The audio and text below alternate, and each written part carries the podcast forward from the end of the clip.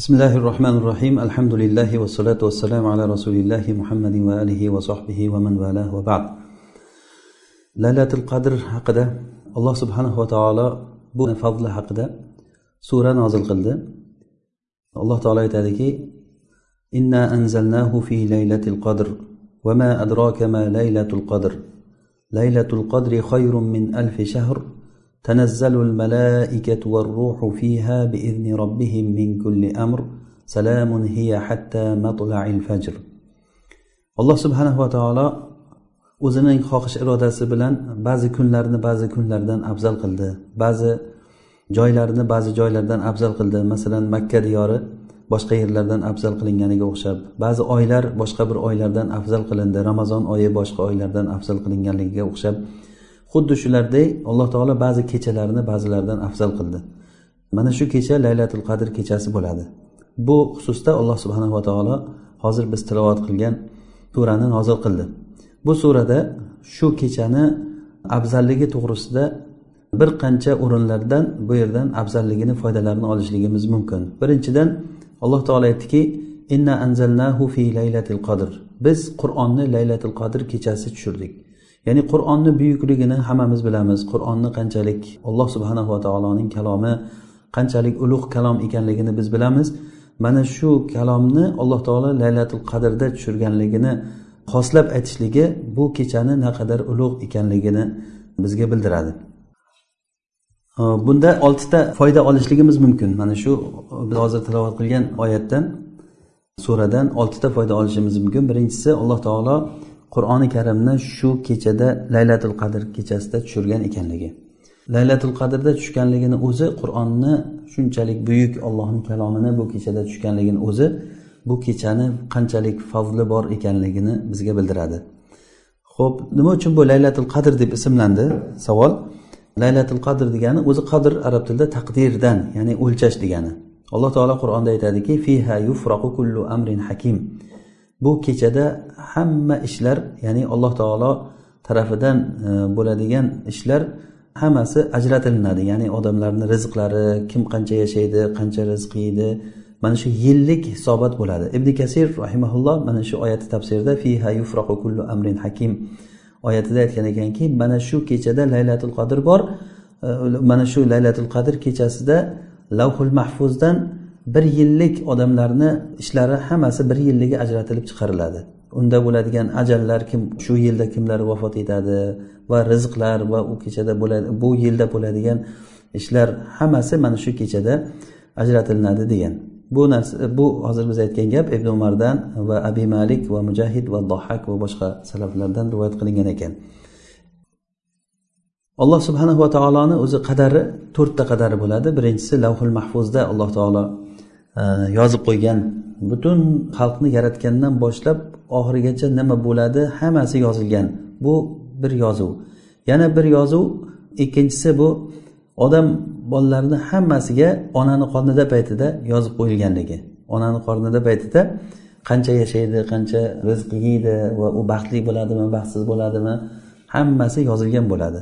Va uchinchi yozuv bu yillik yozuv. Biz mana shu aytmoqchi bo'lganimiz hozir laylatul qadr kechasida bo'ladigan yozuv. Alloh subhanava taolo bu kechada bir yilki bo'ladigan narsani hozir shu kechadan boshlab bu yilgacha bo'layotgan hamma narsani shu kechada yozadi. Mana shuni alloh taolo aytdiki fiha yufraqu kullu amrin hakim.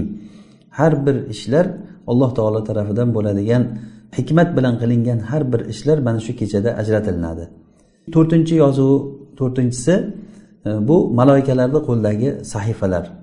Sahifalar bu kitobat bu amal qilgandan keyin ya'ni banda amal qilgandan keyin har bir kishi farishtalar yozib qo'yadigan yozuv bo'ladi. Demak laylatul qadrni fazli haqida biz gapirayotgandik laylatul qadrni fazli haqida alloh subhanava taolo qur'on nozil qildi va qur'onda o'sha surada alloh taolo laylatul qadr kechasida biz qur'onni nozil qildik deb aytdi. Demak bu bu kechani qanchalik fazli ekanligi chiqadi. Va ikkinchisi vama adrokama laylatul qadr? Laylatul qadr nimaligini sen qayerdan bilasan? Ya'ni bu arab uslubi buni fazlini sen bilib oxiriga yetolmaysan buni nihoyasini bilib bo'lmaydi degani bu. Imom roziy o'zini tafsirlarida aytgan ekanki ya'ni buni fazlini sen oxirigacha bilolmaysan degani. Uchinchi fazilati alloh taoloni mana bu so'zdan olamizki laylatul qadri xayrun min alfi shahr. Laylatul qadr bu ming oy e, oydan ko'ra yaxshidir degan. Mujohiddan mursal bo'lgan xabarda kelgan ekanki nabiy sollallohu alayhi vasallam e, bani isroildan bir kishini zikr qildilar. Ming oy olloh yo'lida qurol ko'tarib yurganligini aytdi. Bunda musulmonlar taajjubga tushdilar. Ya'ni ming oy qurol ko'tarib yurganligi. Shunda alloh subhanava taolo inna anzalnahu fi laylatil qadr va ma adraka ma laylatul qadr. Laylatul qadri khayrun min alfi shahr. Mana shu oyatlarni nozil qildi. Ya'ni laylatul qadr ming oydan ko'ra yaxshiroqdir deb. Demak bu bani isroildagi bir kishini ming oy qurol ko'tarib yurganligi bilan mana shu kechadagi qilinadigan ibodatlar undan ko'ra yaxshiroq bo'lishligini shu oyatdan tushunamiz. Imom molikni balog'atlarida kelgan ekanki rasululloh sollallohu alayhi vasallamga o'zlaridan oldingi ummatlarni umrlari ko'rsatilindi. Shunda rasululloh ularni umrini oldida o'zini o'zlarini ummatlarini umrini qisqa ekanligini o'ylab qoldilar. Ya'ni bizni ummatimizni umri rasululloh aytganlari kabi oltmish yil yetmish yil orasida bo'ladi deyilgan. Shunda alloh subhanava taolo rasululloh sollallohu alayhi vasallamga laylatul qadrni berdi. Bu laylatul qadr ming oydan ko'ra yaxshiroq bo'lgan bir kecha bo'ldi. To'rtinchi fazilati alloh taolo aytdiki tanazzalul malaikatu var ruhu fiha biizni robbihim min kulli amr. Bu kechada farishtalar tushadi. Ya'ni farishtalarni tushishligi ham bu kechani qanchalik barakotli ekanligi chiqadi. Ya'ni farishtalar va ruh bunda ruhdan murod maqsad bu yerda jibril alayhissalom deyilgan. Bunda har bir ishlar alloh taoloni izni bilan har bir ishlar bilan alloh taoloni izni bilan bu yerda farishtalar va maloikalar bu yerga tushadi. Ba'zi bir qovullarda laylatul qadr deb shu farishtalar tushganligidan e, yerni nihoyat darajada tiqilinch bo'lib ketganligi ham aytilingan deyilgan. Ibn kasir rahimaulloh aytgan ekanlarki bu kechada farishtalar bu kechani barakasini ko'pligidan farishtalar tushadi degan. O'zi barakalik amallarda farishtalarni tushishligi shariatimizda boshqa bir joylarda ham ma'lum. Masalan zikr halqalariga farishtalarni tushishligi qanotlarini tolibi ilmga qanotlarini ochib turishligi farishtalarni. Mana bu ham laylatul qadrni katta bir fazlidan farishtalarni tushishligi beshinchi fazilati salamun hiya hatta matlail fajr. Mana shu kechada hatto tong otgunga qadar to tong otgunga qadar salomatlik bo'ladi. Ya'ni har bir narsadan salomatlik bo'ladi. Har bir narsadan. Bu yerda bir uchta nuqta haqida gapirsak bo'lar ekan. Birinchisi bu kechani vaqti.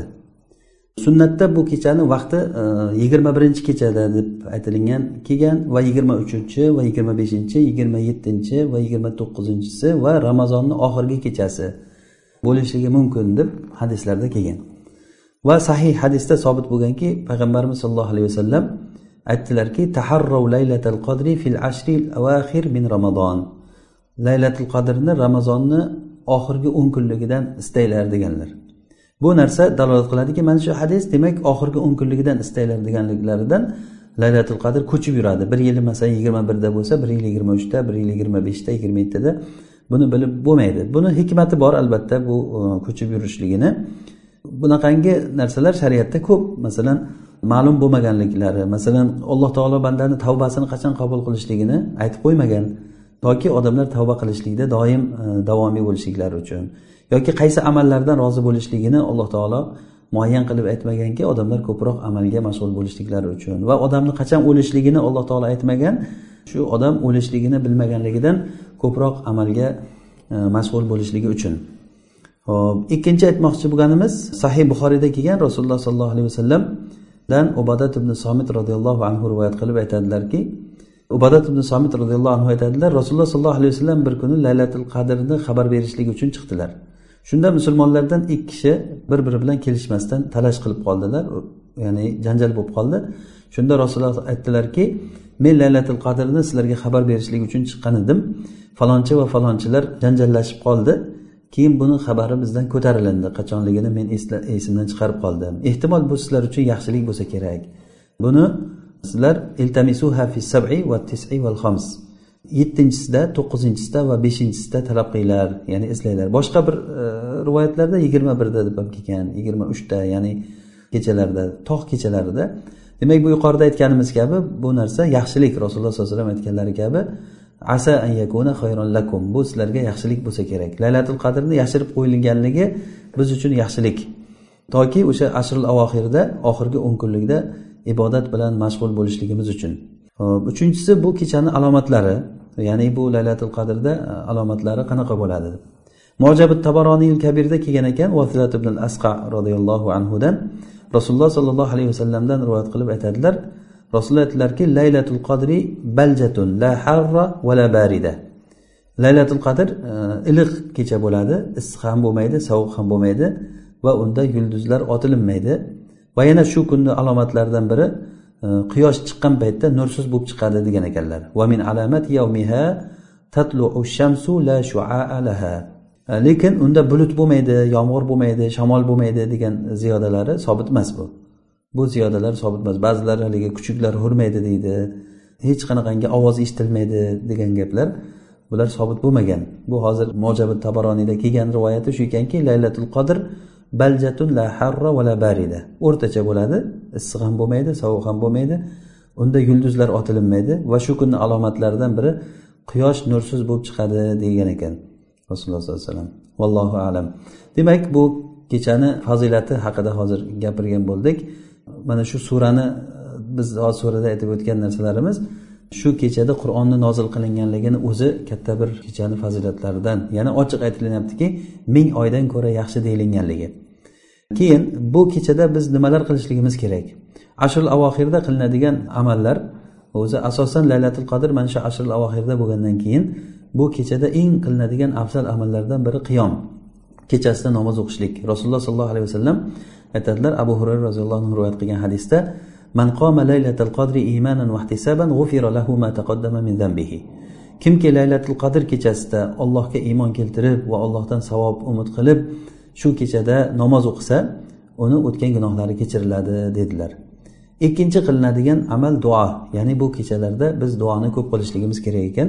Oysha roziyallohu anhu aytadilar rasululloh sollallohu alayhi vasallamdan so'radilarki rasululloh agarda laylatul qadr kechasi bo'lib qolsa agar shuni bilsam men qaysi kechasi ekanligini shunda nima deyman?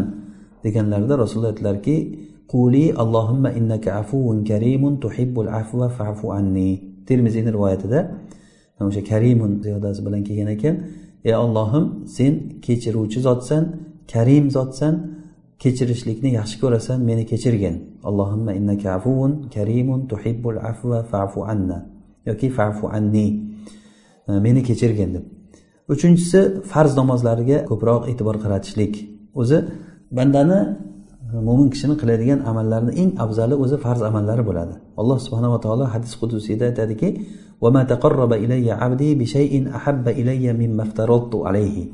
buxoriy rivoyat qilgan hadisda meni bandam men unga farz qilgan narsadan ko'ra yaxshiroq narsa bilan menga yaqinlashmadi. Ya'ni menga eng bandamni yaqinlashgan amallaridan biri farz amallaridir deb aytgan alloh taolo. Demak bu e, kechalarda biz ko'proq mana shu ashrul avohirda kechasiyu kunduzi alloh taoloni birinchi o'rinda farz qilgan amallarini qilishlik bilan e, alloh taologa yaqinlashamiz. Bu e, ashrul avohirda qilinadigan afzal amallarni to'rtinchisi bomdod bilan xuftonni jamoatda o'qishlikka ko'proq haris bo'lishlik. Usmon ibn affon roziyallohu anhu rivoyat qilib aytganlar rasululloh sollallohu alayhi vasallam aytdilarki kimki xufton namozini jamoatda o'qisa go'yoki u kechasini yarmigacha qiyomda turganday bo'ladi. Va kimki bomdod namozini jamoatda o'qisa go'yoki u kechani hammasini namoz o'qib qiyomda turib o'tkazganday bo'ladi dedilar.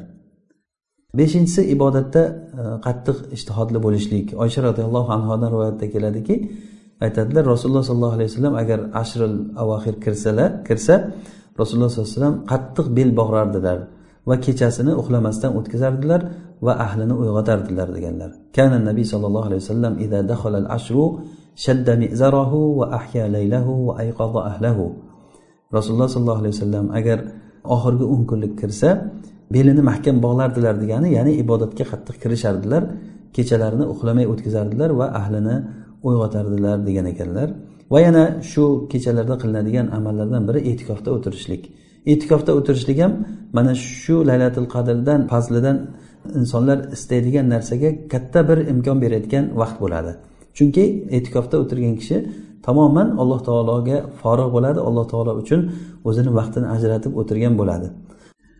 Keyin yana bir bizni xalqimizda laylatul qadr haqida ba'zi bir noto'g'ri tushunchalar bor. Shulardan biri bu kechada kimki borib turib bir narsani ushlasa o'sha tillaga aylanib qoladi degan avomlarni bir gaplari bor. Bu gaplar noto'g'ri gaplar. Bizni shariatimizni ruhiga to'g'ri keladigan gap emas bu. Hech qanaqangi buni dalili ham yo'q. Va yana laylatil qadrni faqatgina yigirma yettinchisida odat qilib bu kecha laylatil qadr laylatil qadr deb turib hamma joyda masjidlarda boshqa kunlardan ko'ra jamoat o'sha kunda ko'p bo'lishligi. Mana bu ham biz e, laylatil qadr haqida tushunchamizni to'g'ri shakllanmaganligidan kelib chiqadiki hozir biz yuqorida aytgan hadislardan ma'lum bo'ladiki bu laylatil qadr ramazonni oxirgi o'n kunligida ko'chib yurishligi mumkin ekan. Ko'chib yurishligi mumkin. Yigirma birinchida bo'lishi mumkin yigirma uchda bo'lishi mumkin. Uni faqatgina yigirma yettinchiga deb xoslab qo'yishlikni o'zi bu e, shu dalillarni to'g'ri tushunmaslikdan bo'ladi. Lekin e, ulamolar o'sha yigirma yettinchisida bo'lishi mumkin deb ko'proq ulamolar aytganlar mumkin deb aytganlar. Hech kim uni qat'iyan mana shu yigirma yettinchisida lalatul qadr deb aytmagan. Chunki biz yuqorida o'qigan hadislarimizdan ma'lum bo'ladiki rasululloh sollallohu alayhi vasallam xabar berishga chiqqan paytlarida rasulullohga unuttirildi. Keyin aytdilarki bu unuttirilgani yaxshi bo'lsa kerak bu deb aytganliklari. Demak bu ma'lum emas. O'sha uchun buni faqatgina yigirma yettinchiga xoslab qo'yishligimiz ham bu to'g'ri bo'lmaydi. Allohu alam. Alloh taolo hammamizga tavfiq bersin. Bu kechalarni fazilatlaridan benasib qilmasin. Alloh taolo gunohlarimizni mag'firat qilsin. Ro'zadan xuddi onadan tug'ilganday e, gunohlardan yuvilgan holatda chiqishlikka alloh taolo o'zi nasib qilsin. Subhanakallohumma bihamdik nashhadu an la ilaha illa anta astag'firuka va natubu ilayk.